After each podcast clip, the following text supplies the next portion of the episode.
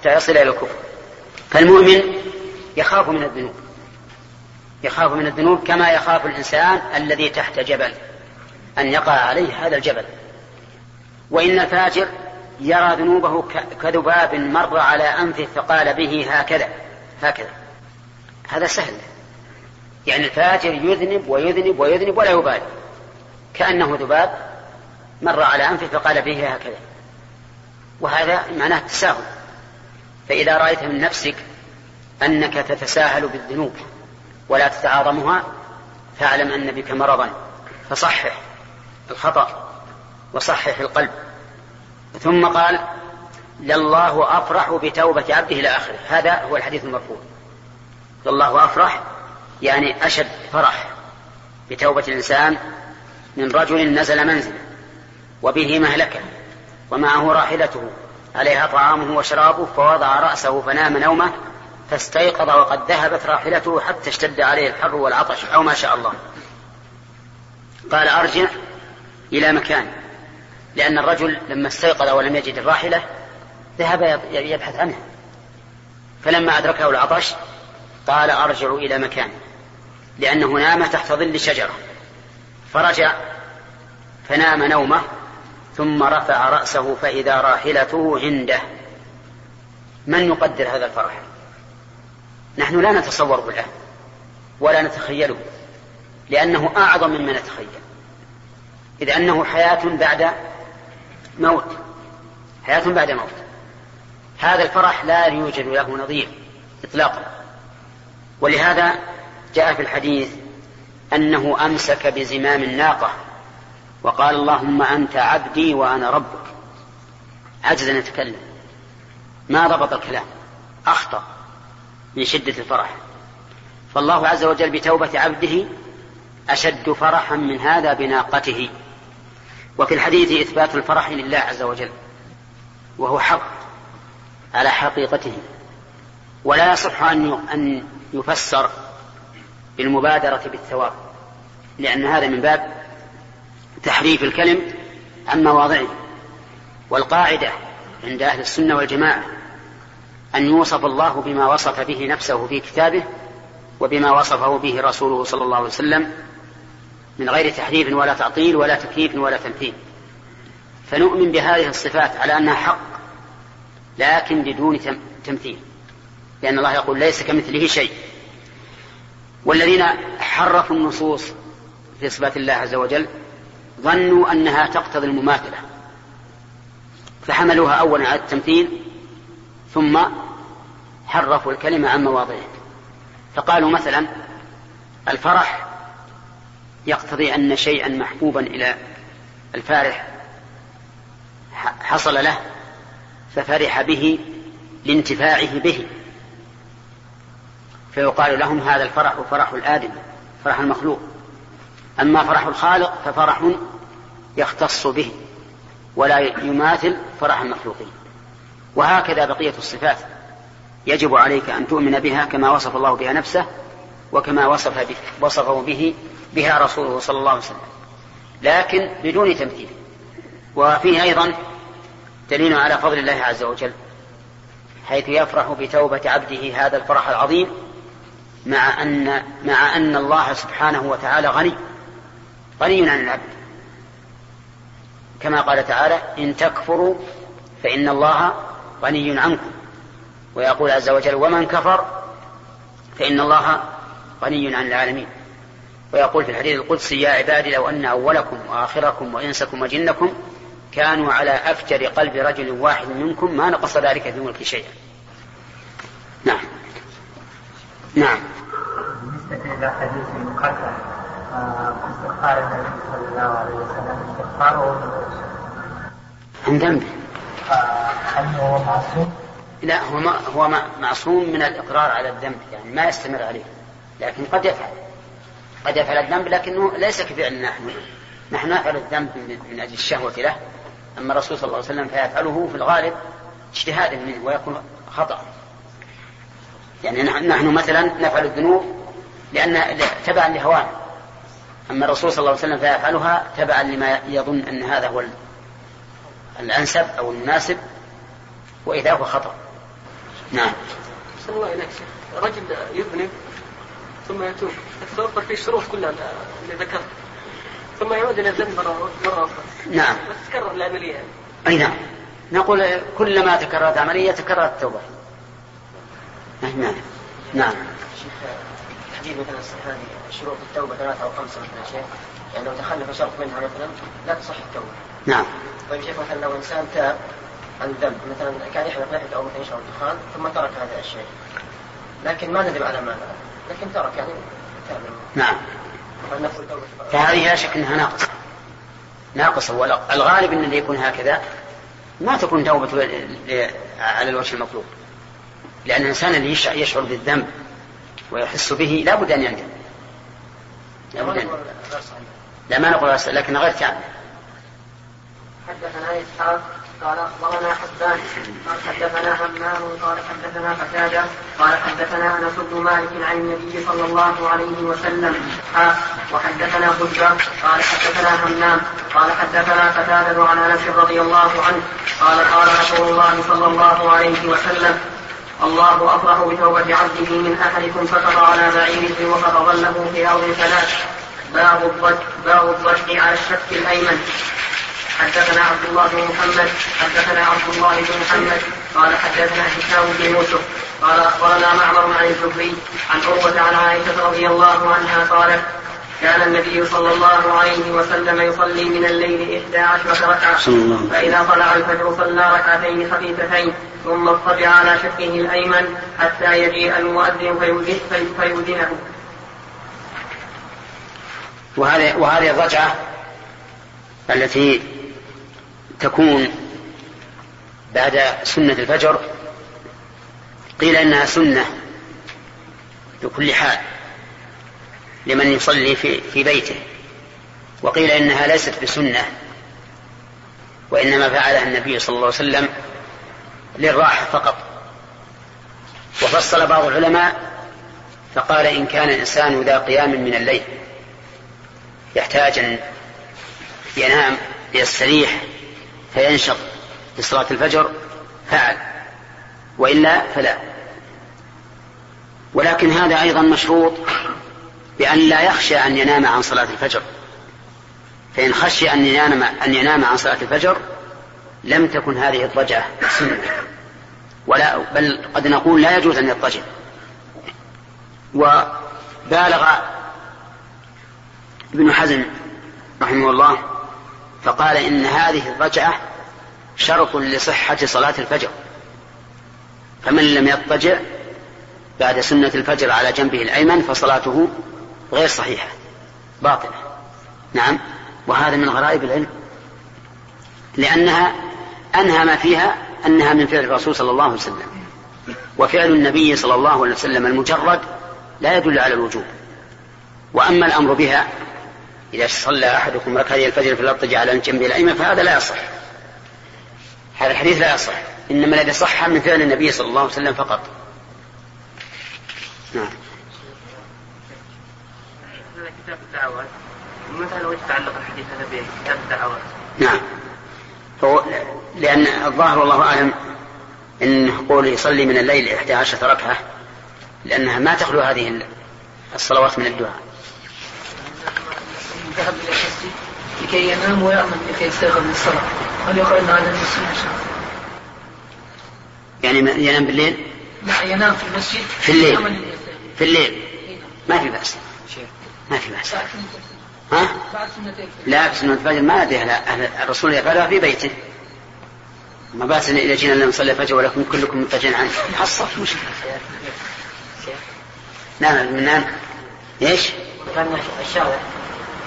شرح حديث ابن حجر سلك مسلك في هذا يمكن عفى الله عنه نسأل الله أن يعفو عنه حدثنا مسدد. قال حدثنا معتمر قال سمعت منصورا عن سعد بن عبيدة.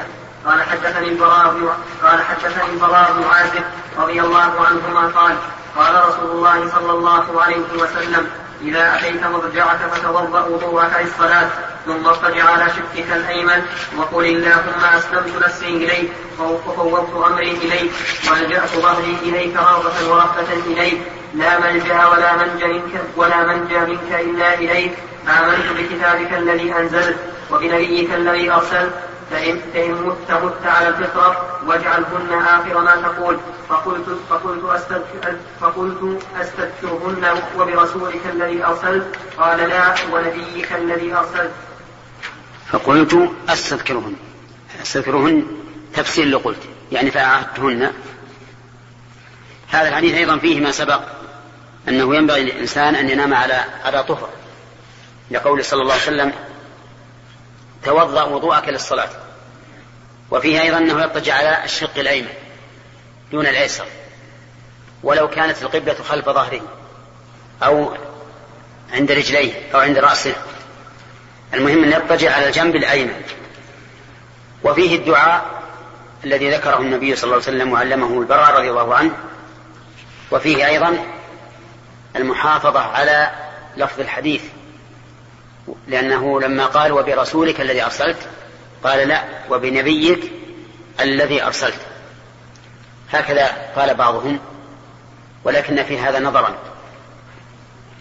لأنه لأن اختلاف اللفظين ليس ليس اختلافا لفظيا فقط حتى نقول إن هذا من باب المحافظة على رواية الحديث باللفظ. بل الخلاف خلاف معنوي. وذلك أنه إذا قال برسولك الذي أرسلت قد يكون من من الألفاظ المجملة لأن من الرسل من, من لم يكن بشرا. فالملائكة رسل وجبريل رسول من الله. كما قال الله تعالى إنه لقول رسول كريم ذي قوة عند ذي العرش مكين. فإذا قال برسولك الذي أرسلت لم يمنع إرادة الرسول الملكي أما إذا قال بنبيك الذي أرسلت فإنه يمنع إرادة الرسول الملكي لأن لأن الملائكة ليس منهم نبي.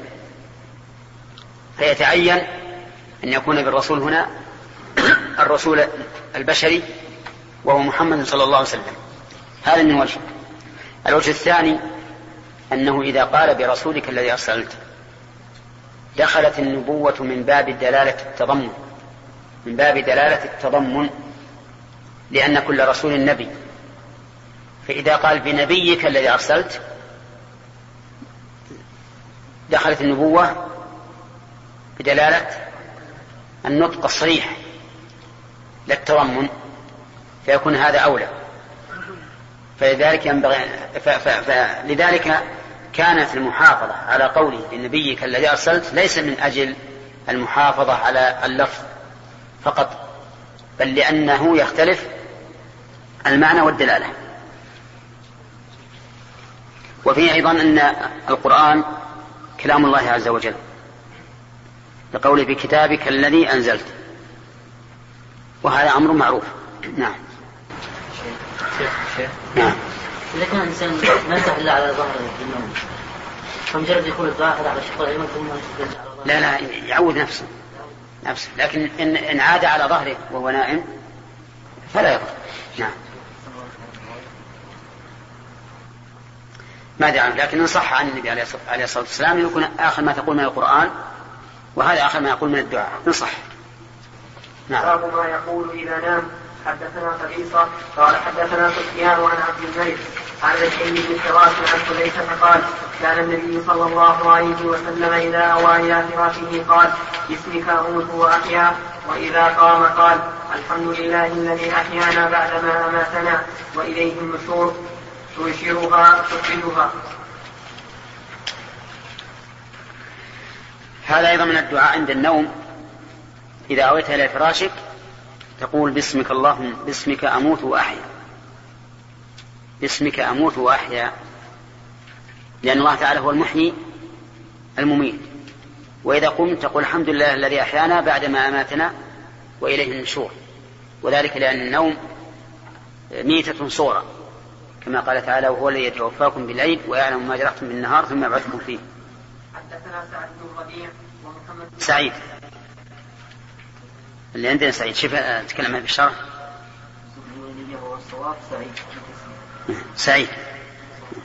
حدثنا سعيد بن ربيع ومحمد بن عرعرة قال حدثنا شعبة عن أبي إسحاق سمع البراء بن عازب أن النبي صلى الله عليه وسلم أمر رجلا وحدثنا آدم قال حدثنا شعبة قال حدثنا أبو إسحاق الهمداني عن البراء بن عازب أن النبي صلى الله عليه وسلم أوصى رجلا فقال إذا أردت مرجعك فقل فقل اللهم أسلمت نفسي إليك وفوضت أمري إليك ووجهت وجهي إليك وألجأت ظهري إليك رغبة ورهبة إليك لا ملجأ ولا منجأ منك إلا إليك آمنت بكتابك الذي أنزلت وبنبيك الذي أرسلت فإن مت مت على الفطرة باب وضع اليد اليمنى تحت الخد الأيمن. حدثني موسى رحمه الله تعالى. باب وضع اليد تحت الخد اليمنى. حدثني عندنا باب وضع اليد اليمنى تحت الخد الأيمن. نسخة الظاهر. حدثني موسى بن إسماعيل. قال حدثنا أبو عوانة عن عبد الملك عن البدري عن حذيفة رضي الله عنه. قال كان النبي صلى الله عليه وسلم إذا أخذ مضجعه من الليل وضع يده تحت خده ثم يقول اللهم باسمك أموت وأحيا. وإذا استيقظ قال الحمد لله الذي أحيانا بعدما أماتنا وإليه النشور.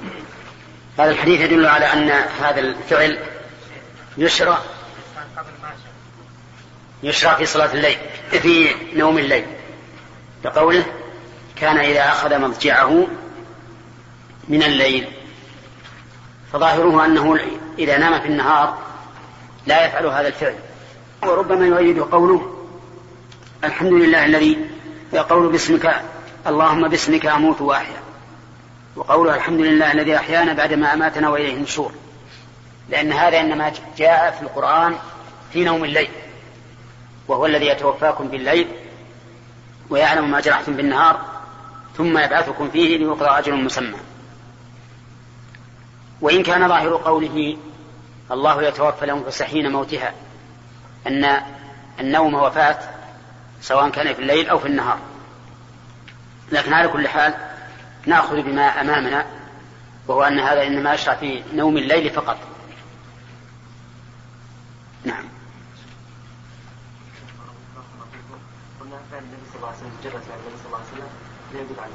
على الوجوب. لا يدل على الوجوب. أقول لا يدل على الوجوب.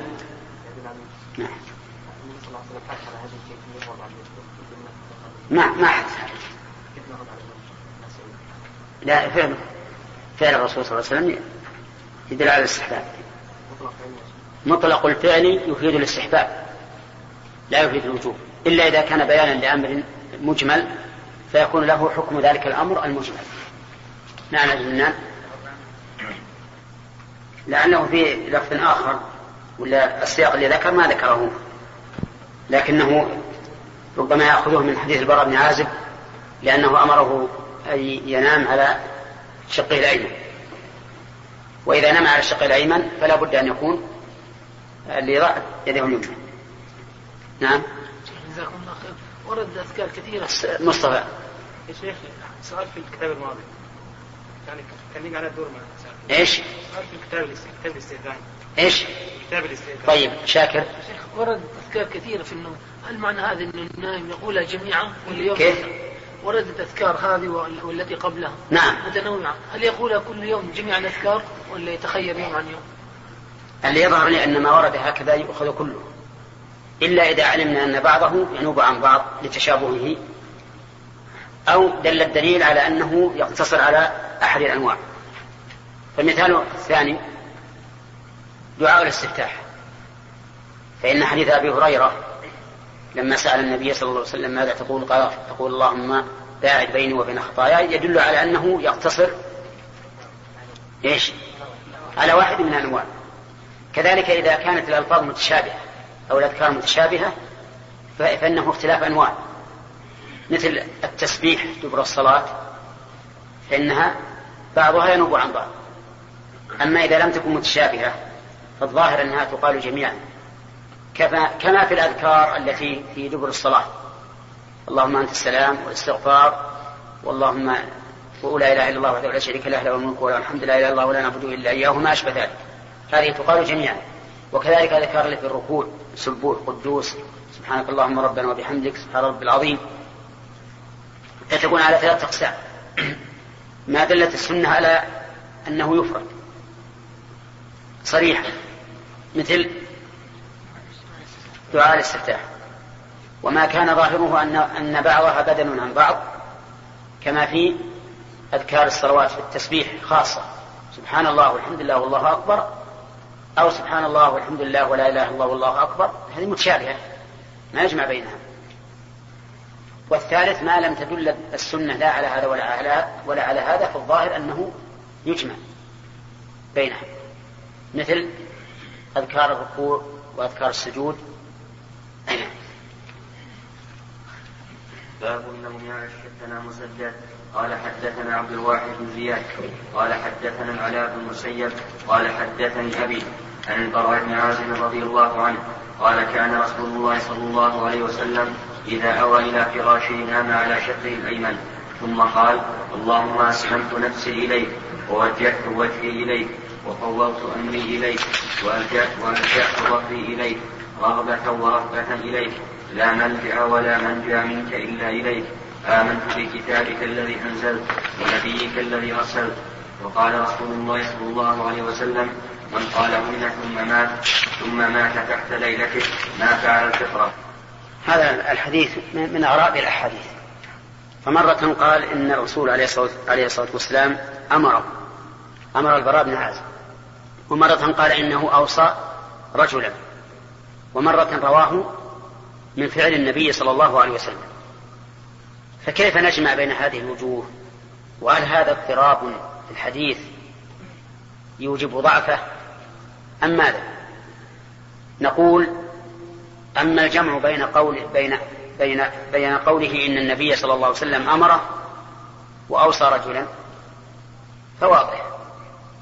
لأن أمره إياه وصية لرجل لكنه مرة بين نفسه ومرة أبهم نفسه. لكن كونه يرويه من فعل الرسول صلى الله عليه وسلم هذا هو الذي محل إشكال. ولذلك نشوف المؤلف الشارح. وإن كان يمكن الجمع لكن نشوف لعله يقول هكذا وقع في رواية سعد بن عبيدة وأبي إسحاق عن البراء.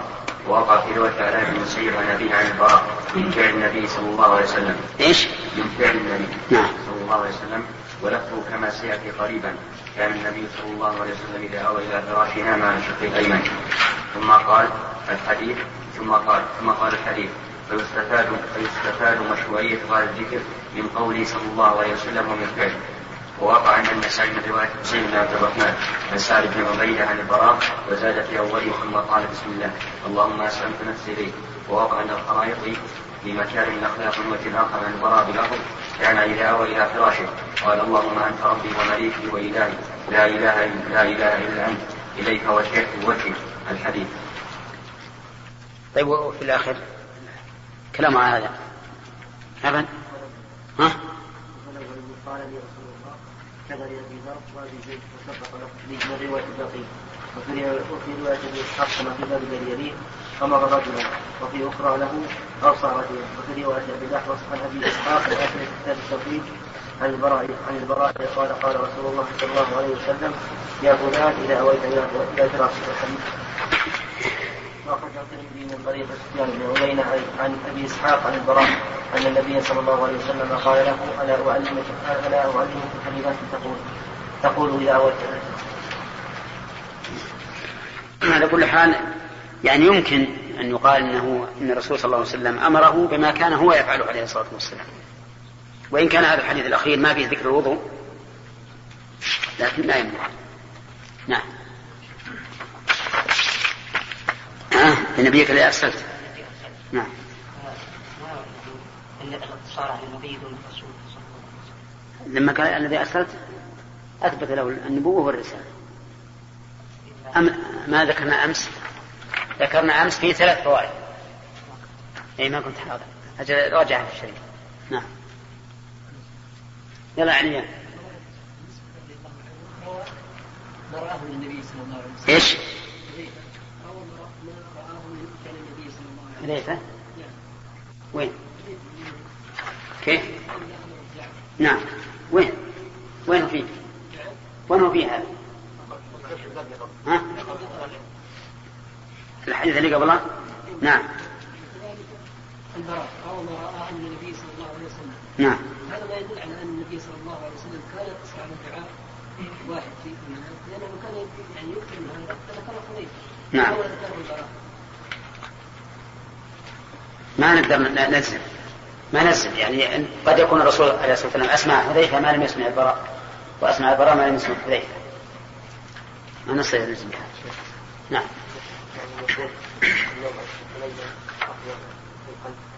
ها؟ النوم على الشق الأيمن من الناحيه الطبيه لأن فم المعده من اليمين.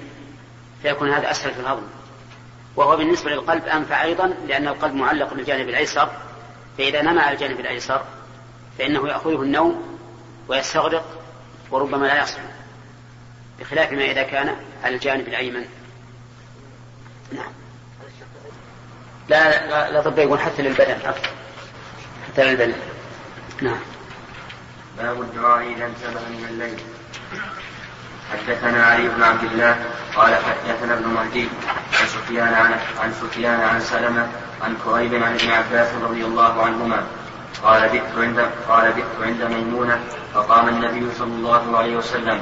فأتى حاجته فغسل وجهه ويديه.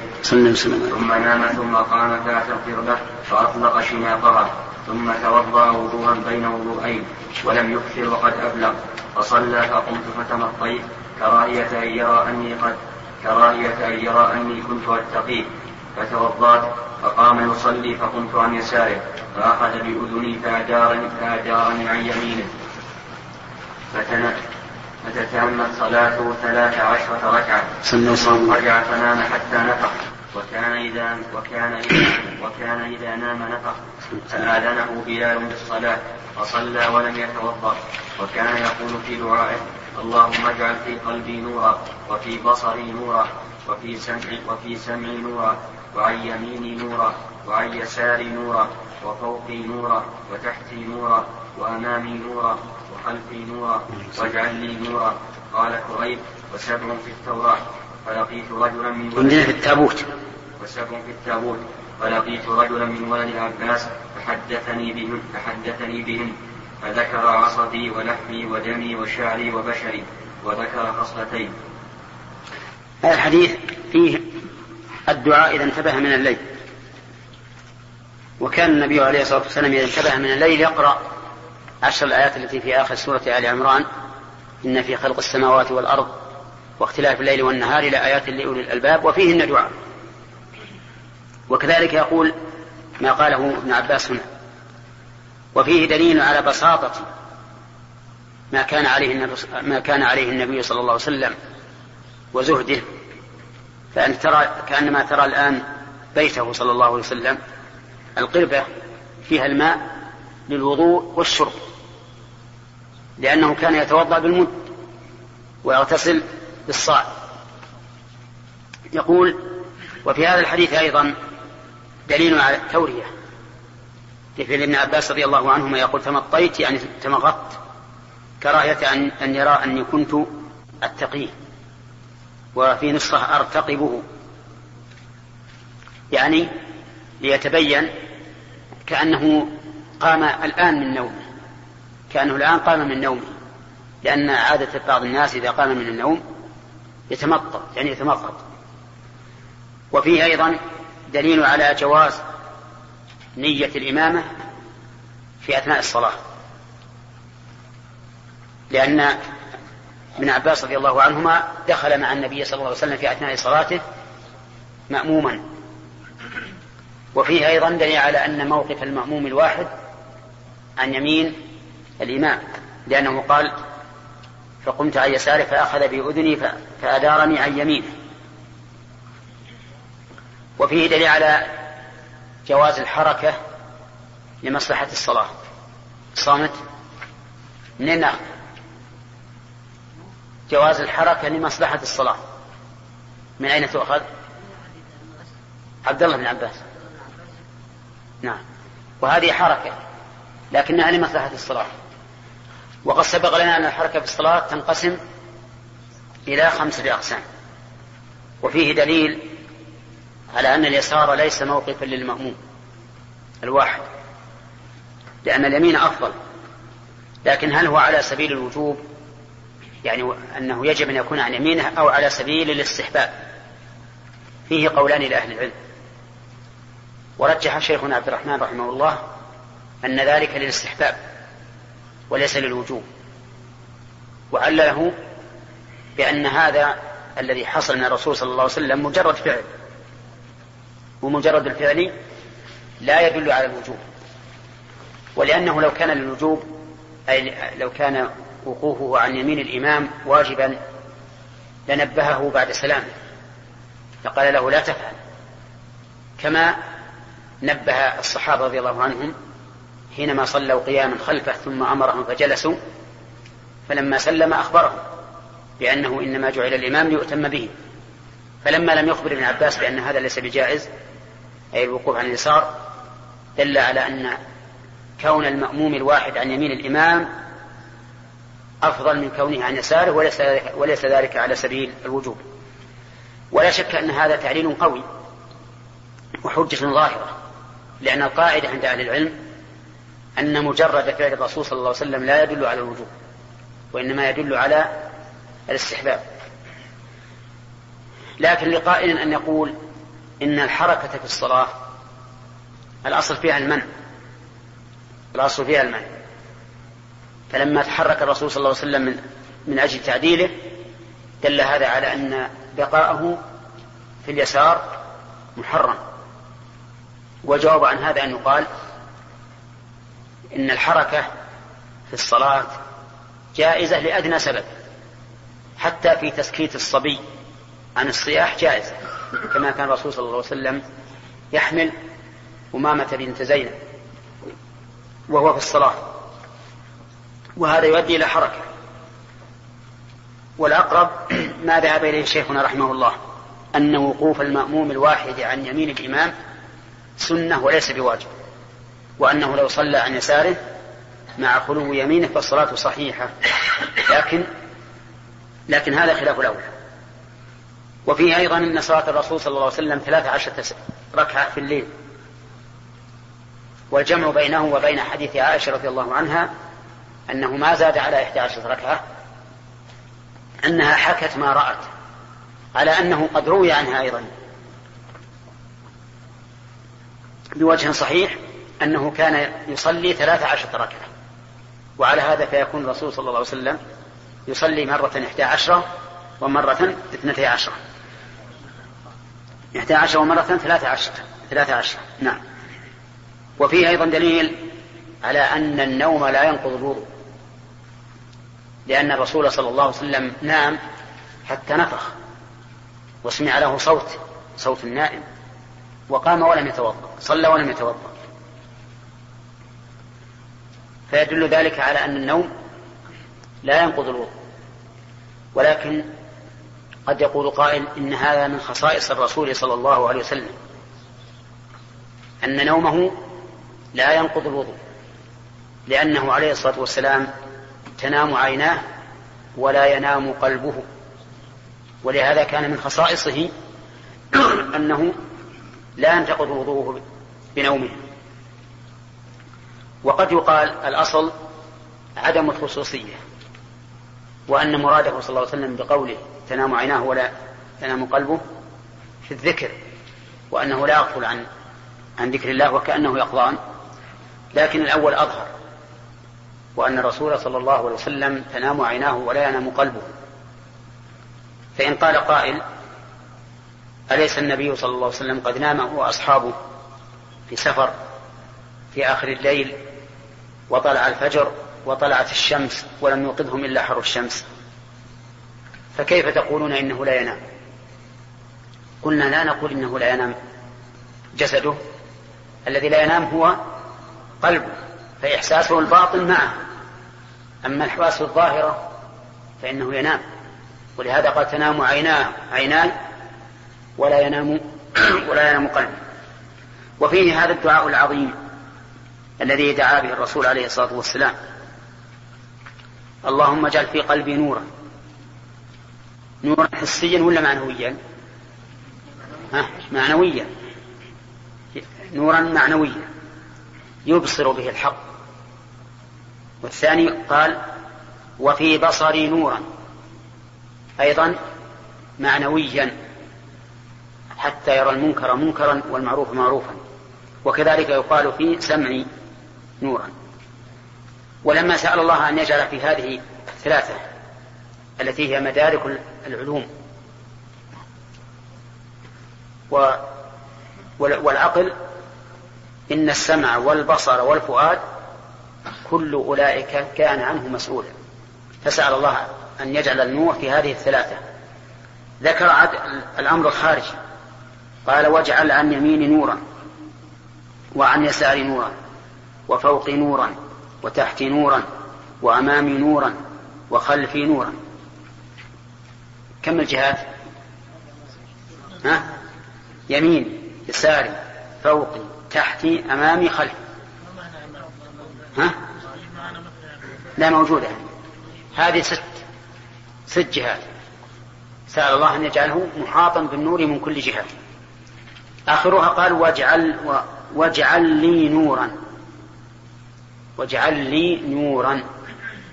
وفي بعض الروايات واجعلني بالنون. واجعلني نورا. أي منارا يهتدي به غيري. ففي هذا دليل على أهمية النور.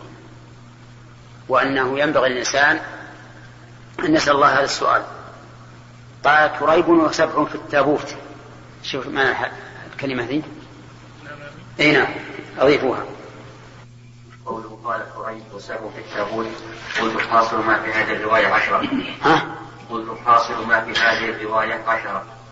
وقد أخرجه مسلم من طريق عقيل عن سلمة بن كهيل فجاء رسول الله صلى الله عليه وسلم بتسع عشرة كلمة. حدثنيها كريم فحفظت منها اثنتي عشرة. ونسيت ما بقي. فذكر فذكر ما في رواية الثور هذه. وزال وفي لساني نورا. بعد قوله في قلبي. وقال في آخره واجعل لي في نفسي نورا لي نورا.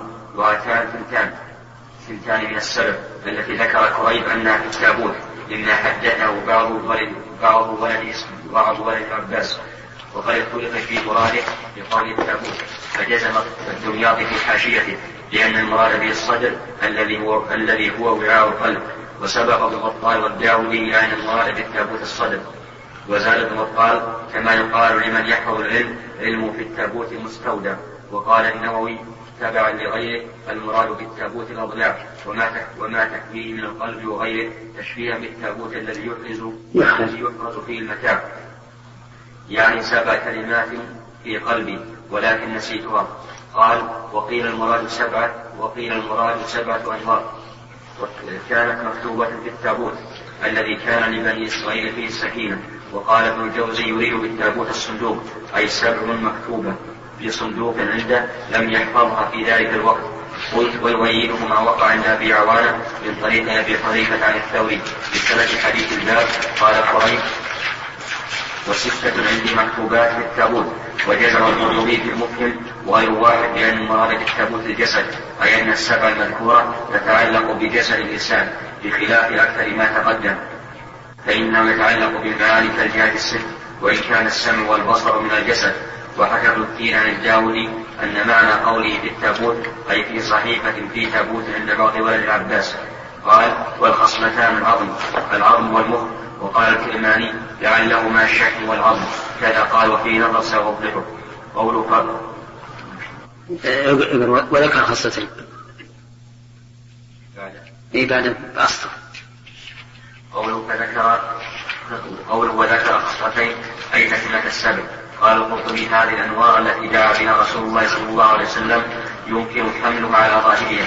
فيكون سأل الله تعالى أن يجعل له في كل عضو من أعضائه نورا يستضيء به يوم القيامة. في تلك الظلم هو, هو ومن تبعه أو من شاء الله منهم. قال والأولى أن يقال هي مستعارة للعلم والهداية كما قال تعالى فهو على نور من ربه؟ وقوله, وقوله تعالى وجعلنا له وجعلنا له نورا يمشي به في الناس. ثم قال والتحقيق في معناه أن النور مظهر بما مظهر ما ناسب إليه ما نسب إليه. وهو يختلف بحسبه فنور السمع مظهر للمسموعات. ونور البصر كاشف للنور المبصرات ونور القلب كاشف عن المعلومات. ونور الجوارح ما يبدو عليها من أعمال الطاعات. قال الطيبي معنى طلب النور للأعضاء عضوا عضوا أن يتحلى بأنوار المعرفة والطاعات ويتعرى عما عداها فإن الشياطين تحيط بالجهات الست بالوساوس فكان التخلص منها بالأنوار السادة السادة لتلك الجهات قال وكل هذه الأمور راجعة إلى أن إلى أن راجعة إلى إلى الهداية والبيان وإلى الحق. وإلى ذلك يرشد قوله تعالى الله نور السماوات والأرض. إلى قوله نور على نور يهدي الله لنوره من يشاء انتهى ملخصا وكان في بعض ألفاظه ما لا يليق بالمقام فحدثته. وقال الطيب أيضا قص السمع والبصر والقلب بلفظ السمع قص السمع والبصر والقلب بلفظ لي لأن القلب مقر الفكرة في آلاء الله والسمع والبصر مسالك آيات الله المصونة قال وقص اليمين والشمال بأن إدانا بتجاوز الأنوار عن قلبه وسمعه وبصره إلى إلى من إلى من عن يمينه إلى من عن يمينه وشماله وشمال من أتباعه. وعبر عن وعبر عن بقية الجهات بمن ليشمل استنارته وإنارته من الله من الله والخلق. وقوله في آخره واجعل لي نورا هي فذلكة لذلك وتأكيد له. قوله ها؟ قبل إيش؟ نعم. قبل إيش؟ قبل ها؟ إيه لقيت رجلا من العباس. قوله فلقيت رجلا من والد عباس. قال ابن بطال ليس كريب هو القارئ ليس كريب هو القارئ فلقيت رجلا من والد عباس. وإنما قال وإنما قال سلمة بن كريب الرابع الكريب. قلت قلت هو محتمل وظاهر رواية ابي حذيفة ان القائل هو كريب قال قال ابن بطال وقد وجدت الحديث من رواية علي. بن عبد الله بن عباس عن أبيه قال فذكر الحديث مطولا وظهرت منه معرفة الخصلتين اللتين نسيهما فإن فيه اللهم اجعل في عظامي نورا وفي قبري نورا. قلت بل أظهر أن المراد بهما اللسان والنفس وهما اللذان زادهما عقيل في رواية عند مسلم وهما من جملة الجسد. وينطبق عليه التأويل الأخير للتابوت وبذلك جزم التقديس المفهم ولا ينافيه ما عدا الحديث الذي أشار إليه أخرجه الترمذي من طريق داود بن علي. عن ابن عبد الله بن عباس عن ابي عن جده سمعت نبي الله صلى الله عليه وسلم ليله حين من الصلاه يقول اللهم اني اسالك رحمة من عندك. فساق الدعاء بطول وفيه اللهم اجعل لي نورا في قبري ثم ذكر القلب ثم الجهه الست والسمع والبصر ثم الشعر والبشر ثم اللحم والدم والعظام ثم قال في آخره اللهم أفضل لي نورا. واعطني نورا واجعلني نورا. قال الترمذي غريب. وقد روى شعبة وسفيان سلم عن قائل بعض هذا بعض هذا هذا الحديث. ولم يذكره بطول تام. وأخرج الطبري من وجه آخر عن علي بن عبد الله بن عباس عن أبيه في آخره. وزدني نورا. قال ثلاثا. وعند ابن أبي عاصم في كتاب الدعاء من طريق عبد طريق أيها الإخوة لم يتم التعليق في هذا الشريط ويمكن إتمامه في الشريط الذي يليه.